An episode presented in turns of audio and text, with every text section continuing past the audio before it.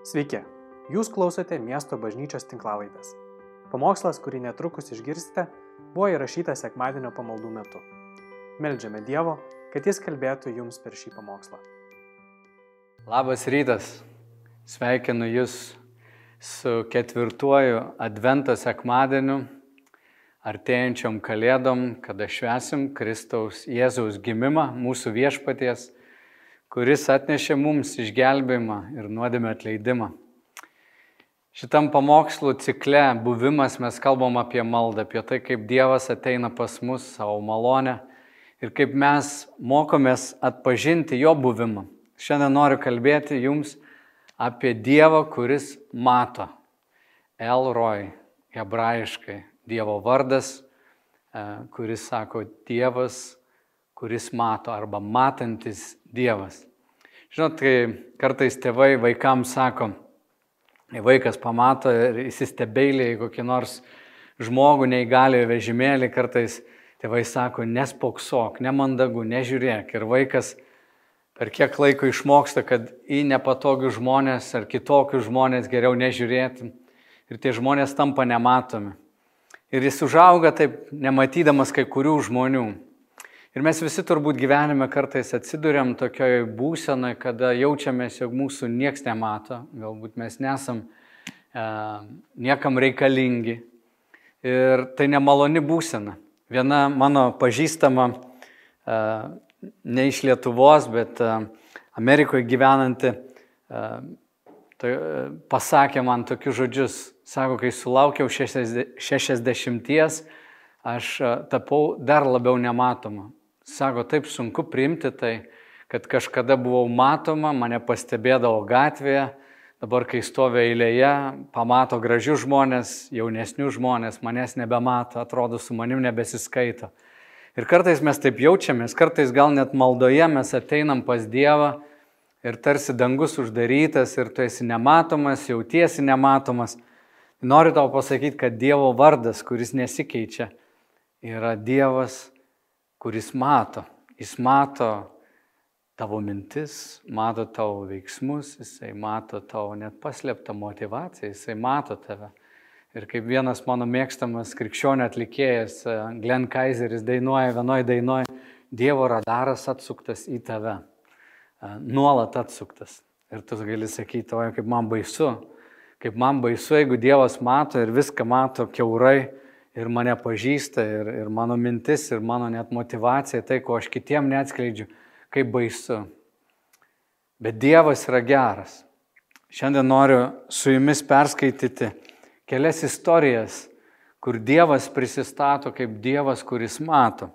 Ir pirmoji istorija yra iš pradžios knygos 16 skyriaus apie Hagarą.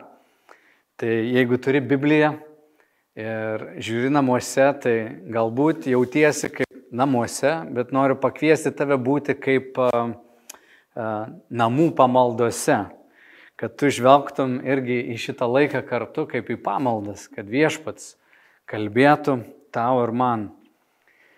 Taigi istorija pradžios knygoje apie Hagarą, kuri nėra labai matoma. E, jis susijusi su Abromu, Hagara yra Abromo ir Sarajos tarnaitė. Ir um, Abromą mes visi pažįstam. Jis yra vadinamas mūsų tikėjimo tėvu. Apie jį tikrai labai daug kalbam, apie jį rašoma Naujajame testamente. Jis yra vienas iš tų įspūdingų, labai gerbiamų žmonių. Saraja taip pat Hebrajams 11 skyriui tarp visų tikėjimų didvyrių įvardinta irgi kaip viena iš tų. Bet Hagara nematoma. Ir štai istorija, perskaitysiu ją ir po to pažiūrėsim keletą pamokų, nes visa, kas užrašyta šventame rašte, yra užrašyta tau ir man, mūsų pamokymui, paraginimui, paskatinimui. Taigi 16 skyrius nuo trečios eilutės. Abromui išgyvenus dešimt metų Kanano šalyje, Saraja, Abromo žmona, savo tarnaitę Egiptietę Hagarą davė savo vyrui Abromui už žmoną Jis įėjo pas Hagarą ir jį pastojo. Hagara pastojusi su panika ėmė žiūrėti į savo valdovę. Tada Saraja tarė Abraomui, širdgėlą, kurią turiu te, tegul ant tavęs, Aš pati daviau savo tarnaitę tau į glėbį, tačiau ji pasijutusi neiščia su panika ėmė žiūrėti į mane. Viešpats, te būna teisėjas tarp manęs ir tavęs. Abraomas tarė Sarajai, tavo tarnaitė yra tavo rankose. Elkis su ją kaip tau patinka. Kai Saraja ėmė ją spausti, ta pabėgo. Viešpaties angelas radęs ją prie vandens šaltinio dikumoje, prie kelio iš šūro tarė, Hagaras, Sarajos tarnaitė, iš kur atėjai ir kur eini? Jie atsakė, bėgu nuo savo valdovės Sarajos. Viešpaties angelas jai tarė, sugrįžk pas savo valdovę ir nusižemink prieš ją. Aš taip padauginsiu tau palikonis, kad jų net suskaičiuoti nebus galima. Štai tu esi neščia ir pagimdysi sūnų. Tu jį pavadinsi Izmaeliu, nes viešpats išgirdo apie tavo priespaudą. Tavo sunus gyvens kaip laukinis asilas, jis bus prieš visus ir visi prieš jį. Jis gyvens šalia savo brolių. Ir viešpati, kuris su ją kalbėjo, Agarą pavadino, tu esi Dievas, kuris mane matai. Nes jis sakė, aš tikrai mačiau Dievą, kuris mato mane. Todėl tą šulinį pavadino Lahai rojų. Jis yra tarp Kadešo ir Beredo. Agarą pagimdė Abromui sūnų, Abromas pavadino jį vardu Izmaelis. Šito istorijoje pilna pamokų ir čia galima būtų pasilikti šito istorijoje ilgą laiką, tikrai galima būtų rašyti ir visą romaną apie tai. Bet šioje istorijoje Hagara, kuri yra tarnaitė, nėra labai įspūdingas žmogus, egiptietė, paimta iš kitur, į šeimą, ji tiesiog tarnauja, tarnaitė. Ir kai Abromas su Saraja negali susilaukti vaiko, tuo metu visuomeniai, na tai buvo gėda, ypač moteriai, kuri negali sulaukti vaiko, pagimdyti savo vyrui vaikų, jai tai buvo gėda ir jie nusprendžia paimti Sara, e, Hagarą ir atiduoti Abromui. Ir ta tarnaitė, kai ji pastoja, pasikeičia. Hagara buvo prispausta, atrodo tokia, tiesiog nežymi staiga jį pradeda savo širdyje niekinti savo šeimininkę, savo valdovę. Žinot, kai žmogus kartais yra um, per anksti galbūt paaukštinamas pareigose, jis pradeda didžiuotis, pradeda niekinti, tenkti kitus. Kartais mes matom net, kai valdžius keičiasi, rinkimai baigėsi, ateina kiti valdžia, pradeda žeminti tuos, kurie buvo uh, ir panašiai. Ir tai yra tiesiog žmogiška. Ir ta tarnaitė jinai pradeda jaustis viršesnė už savo valdovę. Sarai tai nepatinka, yra šeimininkė, yra valdovė. Ir jinai ateina pas Abromą ir pradeda skūstis jam. Na, manau, nėra e, tokio sudėtingesnio dalyko kaip dvi moteris, kurios pešasi. Kartais atrodo lengviau būti tarp dviejų gaujų, kurios pešasi, negu tarp dviejų moterų, kurios susipeša. Kartais uh, žmona pradeda peštis su uošvinė ir mes turim daug anegdotų apie tai. Vyras važiuoja automobilį, jį pasakoja apie baisę uošvinę, kai jis nuvažiuoja pasiai namus, uošvinė pasakoja, kodėl tu ją vedėjai, kodėl tu taip ir taip. Žodžiu, vyksta karas. Čia mes matom tą patį. Saraja pradeda kariauti, ginčytis ir Abromas yra vidury patekęs į tą situaciją. Ir jam norisi bėgti, jam norisi dingti iš tos iš to lauko, karo lauko. O šios dvi moteris, jos viena niekina, kita bando ją spausti. Ir Saraja sako, klausyk, šita problema, Abromė, tegul būna tavo problema, čia dabar tavo problema. Abromas atgal meta vėl tą problemą, sako, ne, daryk su ją, ką tu nori. Ir tada Saraja pradeda spausti Hagarą. Pradeda ją žeminti visai, taip spausti, kad jinai nebenori ten būti. Ar yra tau buvę gyvenime, kad tu atsidurtum tokioje situacijoje, kai tau nesinori namus grįžti, kai namuose karas? Kokia baisi ta būsena, kada esi spaudžiamas, kaip, kaip, kaip baisu atsidurti tokioje vietoje, kai net namuose nebėra taikos. Lengviau pakelti karą gatvėje, pakelti karą darbovietėje, bet būti namuose, kur esi spaudžiamas, kur esi nelaukiamas, yra be galo didelė kančia. Ir Hagarinai kenčia, jinai kenčia, jinai yra pažeminama. Jos ta panieka pavirsta didžiulį engimu ir priespaudą. Ir jo širdis turbūt plyšta, jinai neranda savo vietos, jinai ne, ne, nebenori grįžti namo. Um, aš žinau žmonių, esu ne su vienu kalbėjęs, sako, aš pamenu tą jausmą, kai reikdavo grįžti namo ir nežinau, kas ten manęs lauks, kaip ten bus ir tavo įtampa. Ir jinai jaučiasi jau nebematoma, jinai jaučiasi prispausta, jaučiasi kankinama, engiama. Ir jinai nusprendžia pabėgti. Nieščia moteris be nieko, be jokios apsaugos, jinai bėga ir jinai pabėga. Ar yra tau buvę gyvenime, kad tu irgi bėgi, tu patiri priespaudą ir sakai, belė ką padarysiu, bet nebenoriu būti šitoj situacijoje, noriu pabėgti nuo tų žmonių iš šitos vietos, iš šitos šalies, iš šito miesto, dinksiu kažkur, noriu prasmekti kažkur, kad ir skradžiai žemės atrodo, bet nebegaliu pakelti šito spaudimo. O tokioj būsenoj Hagara bėga. Jis bėga ir čia ją suranda viešpaties angelas, radęs prie vandens šaltinio dikumoje. Kokia palaima, kai aukščiausiasis atkreipia dėmesį į tave.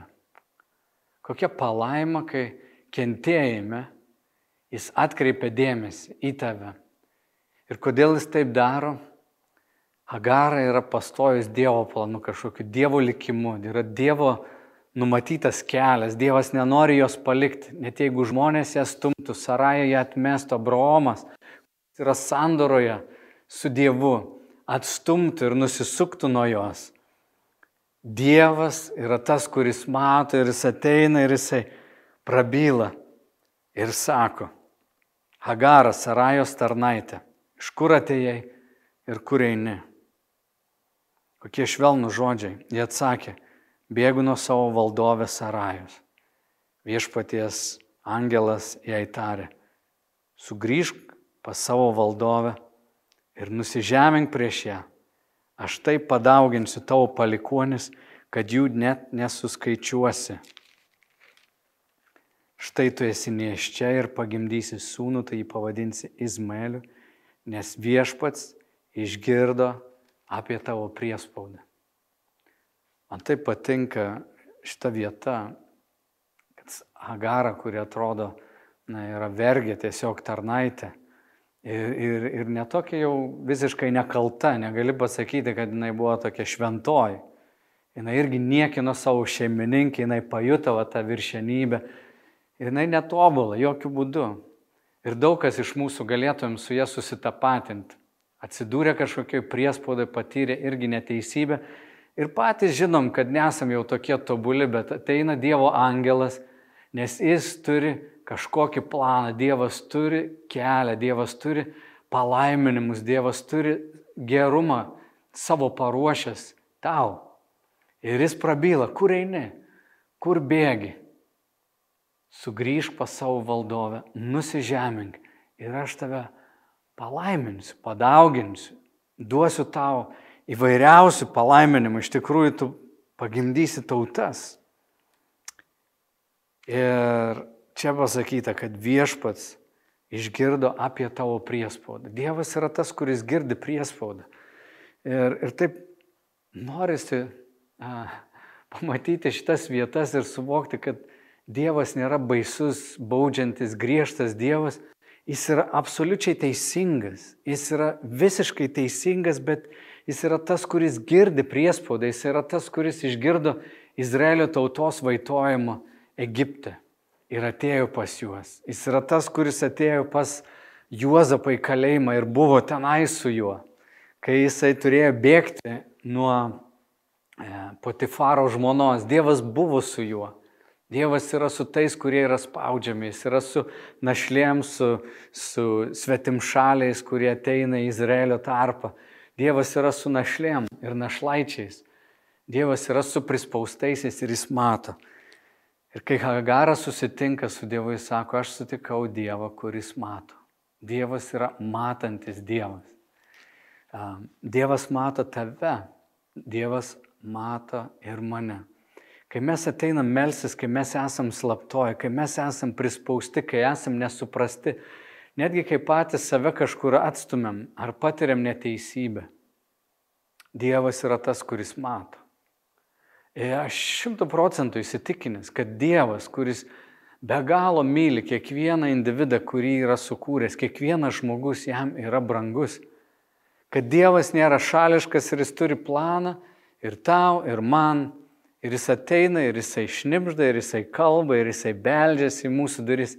Jo vardas yra nepasikeitęs, Dievas yra tas, kuris mato. Elroj, Elroj, Elroj kad tu pažintum Dievą, kuris mato, jis tave mato. Tas radaras atsuktas nėra tam, kad pasmerktų. Ir Jėzus jis atėjo ne tam, kad mus pasmerktų, Jėzus atėjo tam, kad mus išgelbėtų, tam, kad mus pakeltų iš mūsų nuodėmių, iš mūsų tokio nesusivaldymo, nesusitvarkymo su savo gyvenimu. Kalėdų istorija, Luko Evangelijai, pati pradžia kita istorija. Čia jau nebe Hagara, bet skaitom kitą istoriją apie uh, kunigą Zachariją. Pirmas Luko Evangelijos skyrius nuo 8 eilutės. Kartą Zacharijas, Zacharijoje atėjus eiliai tarnauti Dievui kaip kunigas ir kartą Zacharijas atėjus eiliai tarnavo Dievui kaip kunigas ir pagal paprotį kunigų burtų teko jam įėjus į viešpatį šventyklą smilkyti smilkalus. Smilkimo valandą laukia meldėsi gausi žmonių minė.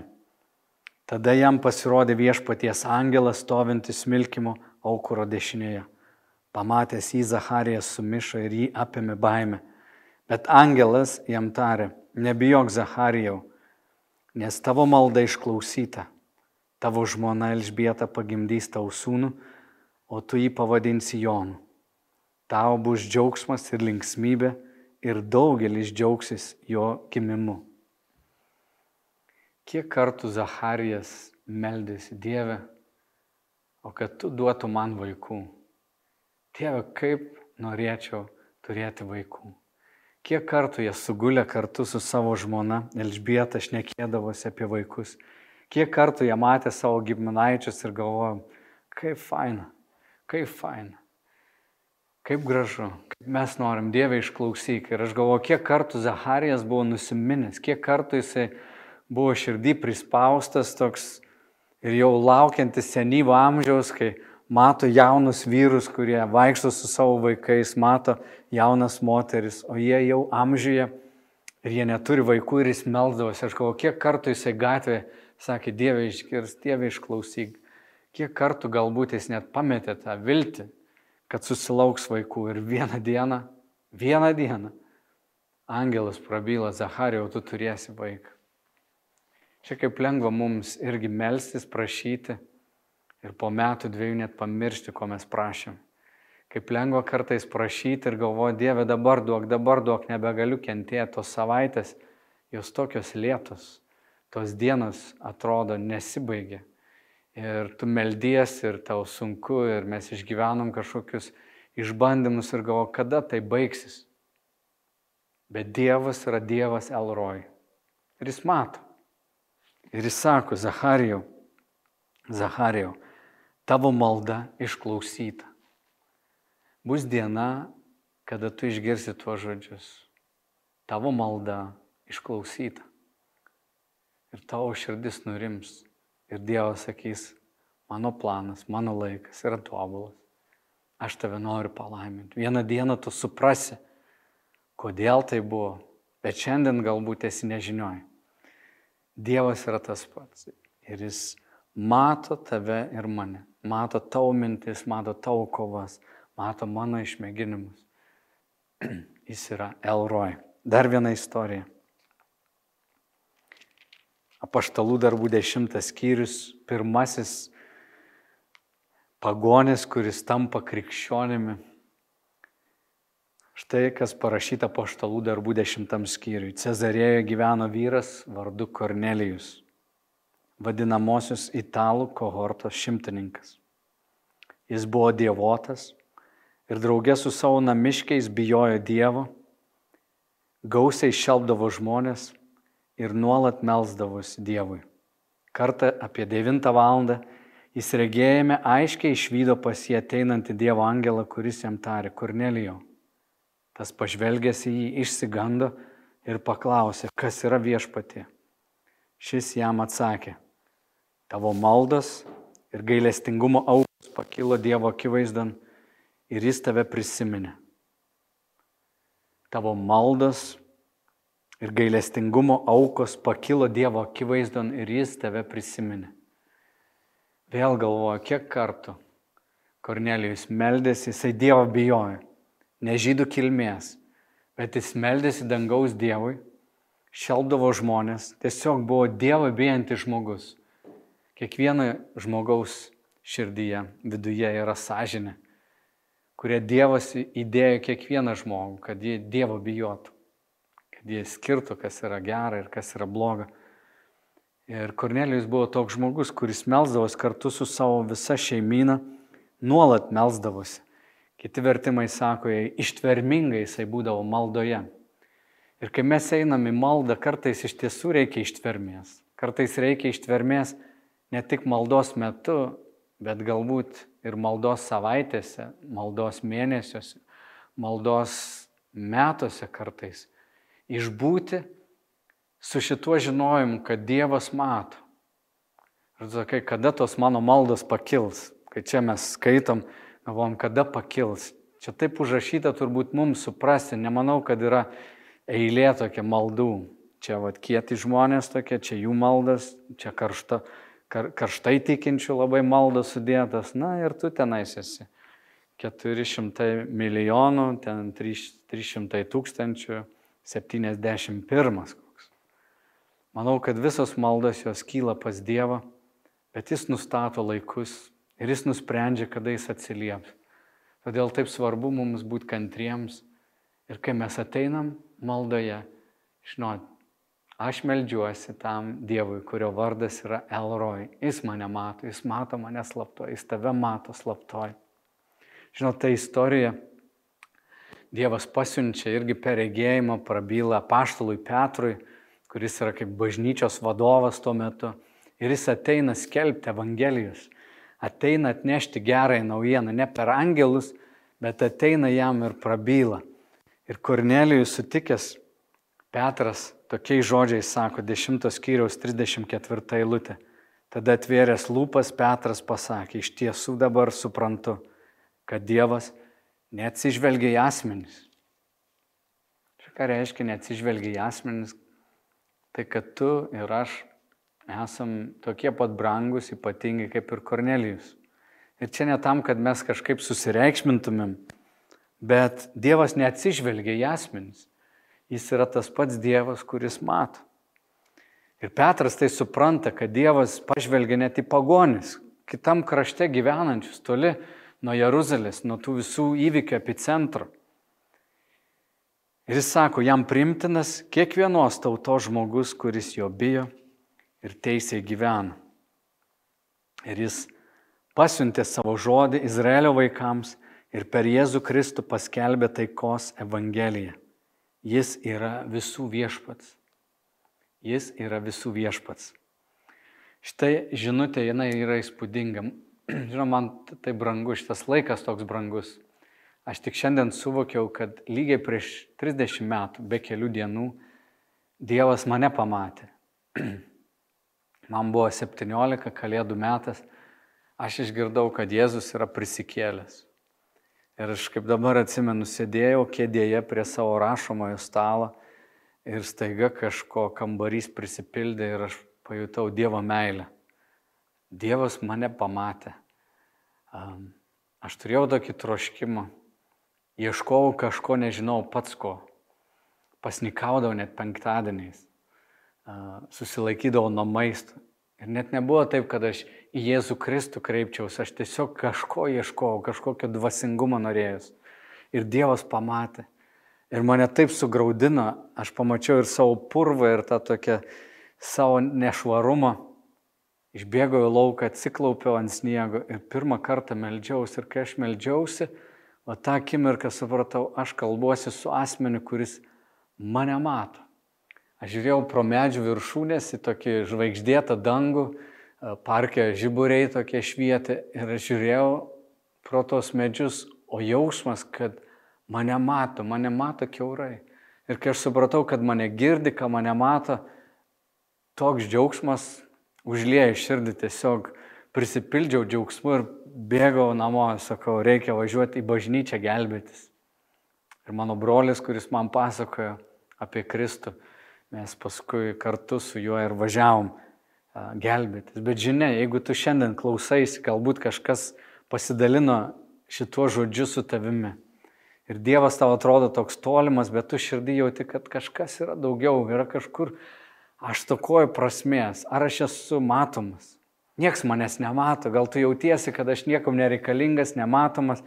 Ir ypač dabar va, ta situacija, kai mes atskirti ten namuose po vieną, ten vienas namų ūkis, ar ne, ir tu galbūt sėdi vienišas, aš noriu tau pasakyti, neklausyk manęs, bet Dievo žodis, kuris yra galingas, kuris laiką išbandymus praėjęs.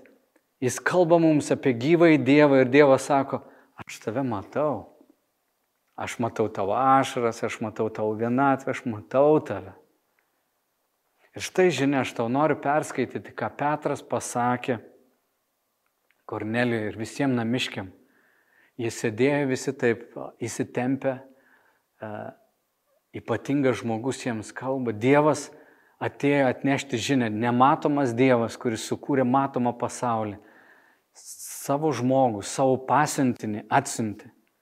Ir štai ką jis sako. Ir Petras tokius žodžius pasakė, jeigu tu patikėsi šitą žinę, ką Petras pasakė, tavo kelias atsivers pas Dievą, kad tu pažintum irgi mylinti Dievą, tą Elroją, kuris Jėzų Kristų, kuris tave mato. Petras sakė, jūs žinote, kas yra įvykę visoje judėjoje, pradedant nuo Galilėjos, po Jonos kelbtojo krikšto, kaip Dievas patepė šventąją dvasę ir jėgą Jėzų iš Nazareto ir jis vaikščiojo, darydamas gerą ir gydydamas visus velnio pavergtuosius, nes Dievas buvo su juo. Mes esame liudytojai visko, ką jis yra padaręs žydų šalyje ir Jeruzalėje jį nužudė, pakabindami ant medžio. Tačiau trečią dieną Dievas jį prikėlė ir leido jam pasirodyti. Beje, ne visai tautai, o Dievo iš anksto išrinktiems liudytojams, būtent mums, kurie su juo valgėme ir gėrėme, jam prisikėlus iš numirusių. Jis mums įsakė skelbti žmonėms ir liudyti, kad jis yra Dievo paskirtasis gyvųjų ir mirusiųjų teisėjas. Apie jį visi pranašai liudyja, kad kiekvienas, kuris įteki, gauna jo vardu nuodėmių atleidimą. Mielas žmogau, noriu tau pasakyti, kad jeigu tu patikėsi Dievu, kuris iš neregimojo pasaulio sukūrė matomą, regimą pasaulį, Dievas, kuris davė tau ir man akis, yra tas, kuris mato tave Ir jis atsiuntė savo sūnų Kristų. Jo gimimą mes švesim neužilgo. Jis atėjo ir kaip šventame rašte sako, jis atsikraustė į mūsų kaiminystę. Jis gyveno tarp mūsų. Tai reiškia, jis pasistatė namą mūsų gatvėje. Jis atėjo gyventi su mumis, netrumpam, jis atėjo gyventi, kad mes pažintumėm, koks yra Dievas. Ir Jėzus Kristus mirė už tave ant kryžiaus Ir Dievas nubaudė Jėzų Kristų už tavo ir mano nuodėmės. Jėzus pats atidavė savo gyvybę kaip išpirka, kaip, kaip mokestį už mūsų nuodėmės. Kad Dievas galėtų mums suteikti teisumą ir galėtų išlieti meilę. Tai yra geroji naujiena, taikos evangelija. Ji nėra baisi žinia. Dievas nekviečia tave priimti jokios religijos ateiti kažkokią bažnyčią. Jis kviečia tave būti savo šeimos nariu, kad tu jį pažintum. Ir tavo kelionė gali ir šiandien prasidėti. Tiesiog paprastai ištark jam, Jėzau Kristau, būk mano viešpats. Jėzau Kristau, tikiu, kad tu gyvenai, mirėjai ir buvai prikeltas iš numirusių. Prašau atleisk man mano nuodėmės dėl šito paprasto tikėjimo tavimi. ir duok man amžinai gyvenimą. Amen. Ta paprasta malda yra tavo leidimas viešpačiu ateiti tavo gyvenimą. Aš tave sveikinu, jeigu tu meldėsi. Aš taip meldžiausi prieš 30 metų, nesigailiu niekuo. Visko, kas įvyko po to, yra didžiulė Dievo dovana. Yra didžiulė Dievo dovana. Šiandien tikiu iki kaulų smegenų, kad Dievas yra tas, kuris mato mus. Jo buvime mes esam, jame mes gyvenam, jame mes judam, jame mes randam savo gyvastį. Palaimintas tu esi žmogau, girdėdama šitos Evangelijos žodžius. Mėlyjei, te viešpaties ramybė būna visuose jūsų namuose, kur tu bebūtum. Jei sėdi vienas, žinau, kad Elroj, Dievas, kuris mato, yra su tavimi. Dėkok jam, kvieskai, melskis, bendrauk, prašyk, ko tavo širdis geidžia ir jo palankumas atneštas dovanas į tavo namus. Sudie, mėlyjei. Ačiū, kad klausėte. Daugiau informacijos apie miesto bažnyčią rasite internete www.m-b.lt arba Facebook, Instagram bei YouTube paskiruose.